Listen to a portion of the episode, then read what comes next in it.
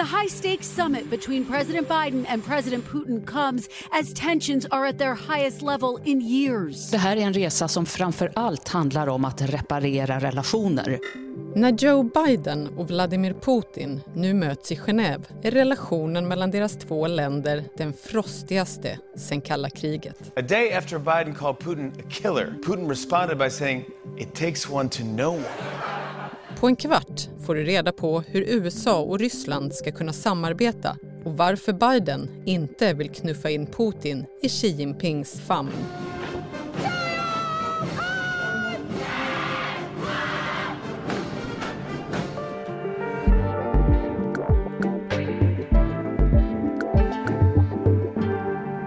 Det är onsdag den 16 juni och jag heter Maria Jelmini. Du lyssnar på Dagens Story från Svenska Dagbladet.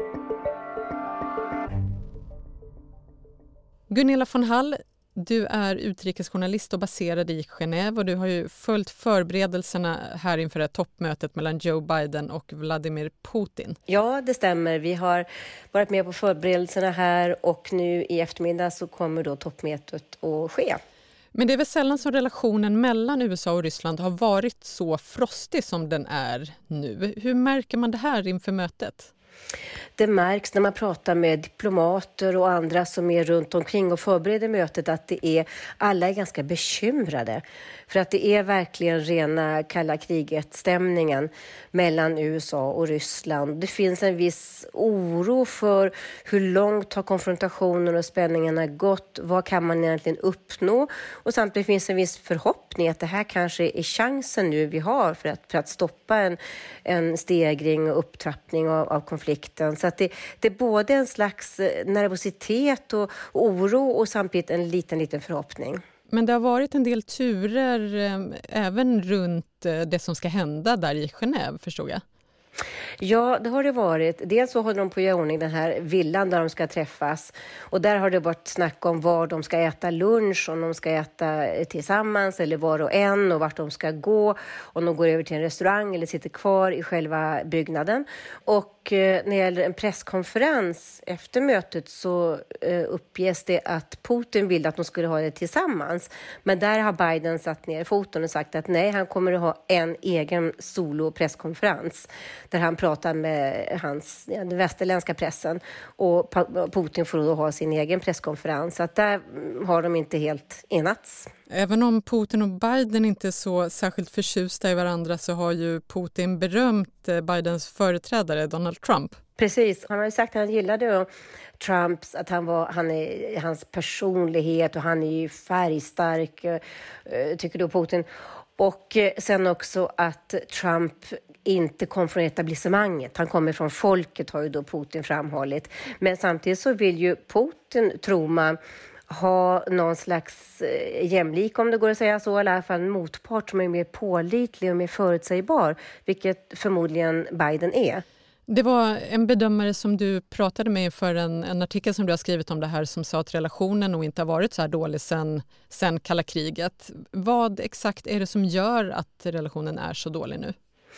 Jag tror att det har hänt så mycket de senaste åren som har liksom förgiftat atmosfären och det börjar väl med med Krimhalvön och annekteringen av Krimhalvön då 2014. Och sen har det följts av, av rysk förgiftande då av dissidenter med kemiska vapen.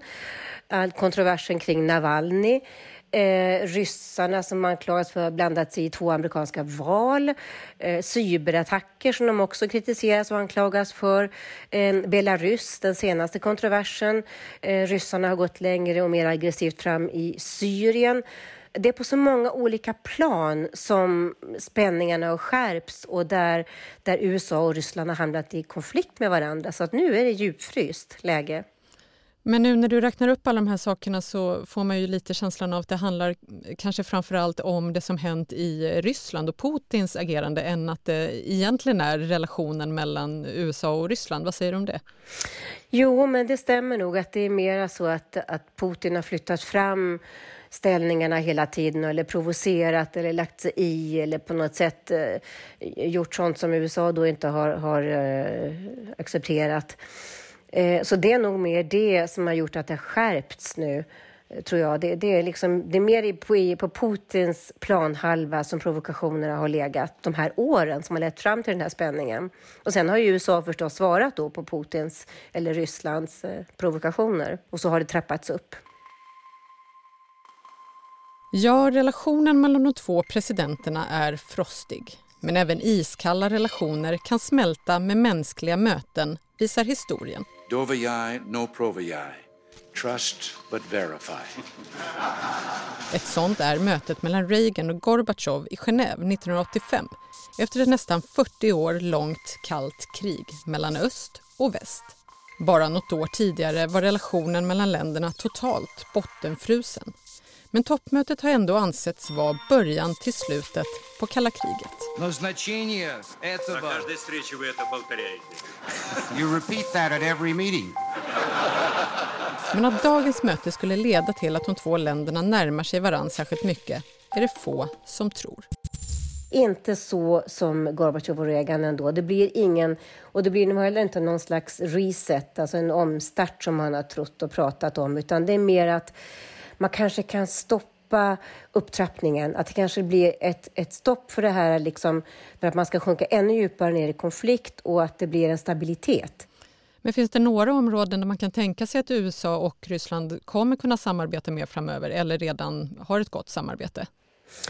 En konkret sak de kan komma fram till det är ju att de för tillfället har de inga ambassadörer i, Washington och Moskva och det kan möjligen upprättas. För det är ändå ganska oförargligt men viktigt. För då har man ju en diplomatisk kommunikationskanal som man upprättar. Och sen kanske de kommer med uttalanden om att man ska verka tillsammans för bättre tillgång till vaccin, eh, mot klimatförändringarna, när det gäller cyberkriminalitet, vad kan man göra tillsammans?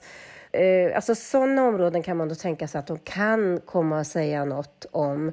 Och sen har de ju redan ganska nyligen kommit överens om att förlänga det här, det sista avtalet som finns om en strategisk kärnvapennedrustning kallas New Start. Det har de nu förlängt till år 2026 och det visar ju att det finns en möjlighet att samarbeta. Om man tittar på vad Joe Biden har gjort sen han tillträdde så har han ju till exempel då hävt sanktionerna som USA har haft eh, mot Nord Stream, eh, gasledningsbygget från Ryssland genom Östersjön. Eh, det borde man ju ändå se som något positivt från rysk sida. Ja, det var viktigt. Det var viktigt faktiskt att han lät det vara. Och det var en slags eftergift kan man väl säga, eller i alla fall ett sätt att gjuta olja på vågorna inför det här mötet. För det hade blivit en, en väldigt eh, ytterligare en eh, sten på börda. Liksom. Men sen är det så mycket annat som har trappats upp som när Putin till exempel då och Ryssland skärpte ju och eh, han anklagade då Navalnys organisation oppositionsorganisation för att vara extremistisk. Det ökade ju spänningen då och så att det, det är mycket annat som har kommit i vägen. Men det är klart, det här med Nord Stream var ju någonting som var bra och som kan ändå väcka visst hopp att de kanske är på väg i alla fall att frysa konfrontationen, även om man inte kan på något sätt lösa upp den. Man kan ju ändå möjligen tolka det som att Putin eh, bryr sig allt mindre om vad omvärlden faktiskt tycker om hans agerande, i, i alla fall när det handlar om ryska intressen. Stämmer det? Eller? Nej, men jag tror att det stämmer till stor del och jag tror det är det budskapet Putin vill skicka också. Han har hårdhandskar och han liksom ställer sig upp och visar sina muskler när det krävs för att han också vill vara jämbördig med, med Biden då i det här läget. Och sen också för att han ska visa det på hemmaplan och för att fortsätta vara populär. För det är ändå det som till stor del har gjort att Putin har det stöd han har hemma. Att han visar att han är tuff och en, och en hårding när det gäller att försvara ryska intressen. We will have confrontations at points about areas where we have disagreement, but this is an opportunity to move toward a more stable and predictable relationship with Russia. Biden har ett tungt vägande skäl att närma sig Putin. USAs största orosmoln är nämligen varken pandemi, mexikansk migration eller Ryssland. Det är Kina.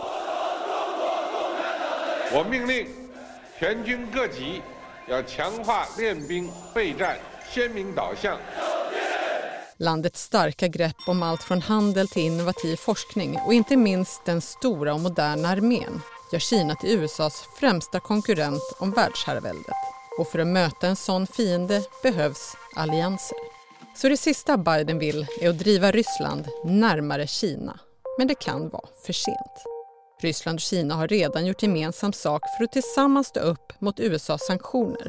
Och budskapet är tydligt. Vi bestämmer själva hur vi ska styra våra länder.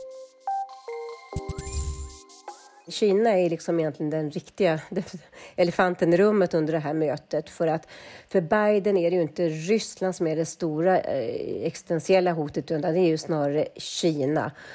Och det kan möjligen göra att eh, Ryssland kommer vara väldigt försiktig med att på något sätt visa att man samarbetar mer med USA, för att då kan de få Kina emot sig och de måste samarbeta med Kina också. Så att USA kan möjligen vilja försöka få ryssarna med på sin sida för att stärka sin position gentemot Kina. Men Ryssland och Putin kommer att vara väldigt försiktig, eh, för att inte säga väldigt defensiv och inte, eh, tror jag, gå med på någonting sånt för att de måste eh, kunna balansera gentemot Kina. Så att det här är en, en, en triangel, ett slags triangeldrama som är väldigt känsligt, väldigt svårt och egentligen det allra viktigaste på det här mötet. Men den här kraftmätningen som vi kanske ser nu då ehm, under det här mötet, den handlar inte bara om politik utan det är också en duell eh, när det kommer till lyxiga bilar och flygplan. Berätta. Ja, det är ju också en duell där, för att nu, de, man försöker ju visa sina muskler så mycket man kan och nu flyger USA in sina allra bästa, finaste plan och eh, så gör också Putin och ryssarna. Och eh, de har ju fantastiska gamla plan man aldrig ser med fyra motorer. Och, och det är många sådana här eh, entusiaster då som tycker mycket om flygplan och, och, och bilar som också vill, vill kunna föreviga det här och fotografera det. Och de, de flyger också in sina stora eh, bilar som de kommer att åka runt i, The Beast som den kallas, som är en bepansrad bil. Eh, där det finns eh, blodplasma och eh, eh, som kan stå emot alla slags granatattacker.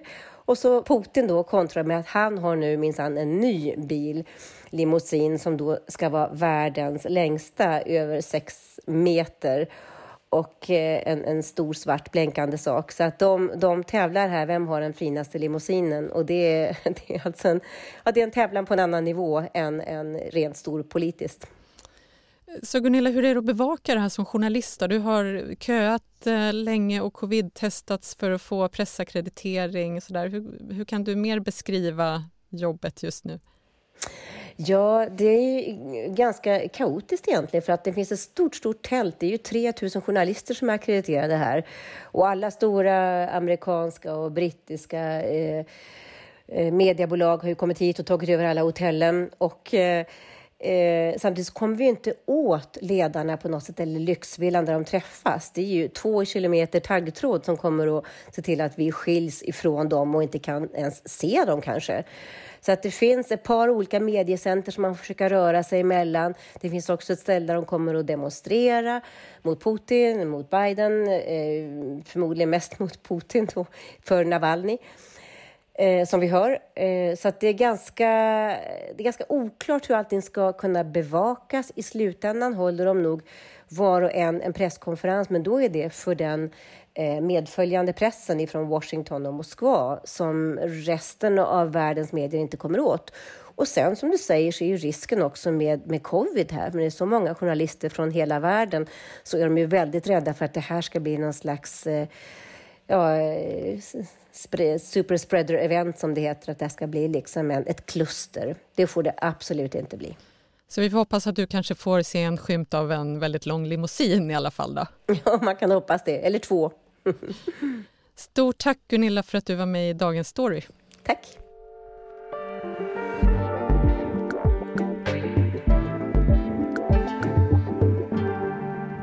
Vi som gjorde programmet idag är producent Siri Hill och jag heter Maria Jelmini. Vill du kontakta oss så mejla till dagensstory svd.se. Du har lyssnat på Dagens Story från Svenska Dagbladet. Ljudklippen i programmet är hämtade från Deutsche Welle, Global News, NBC News, Sveriges Radio, The Guardian, The Reagan Show och The Tonight Show.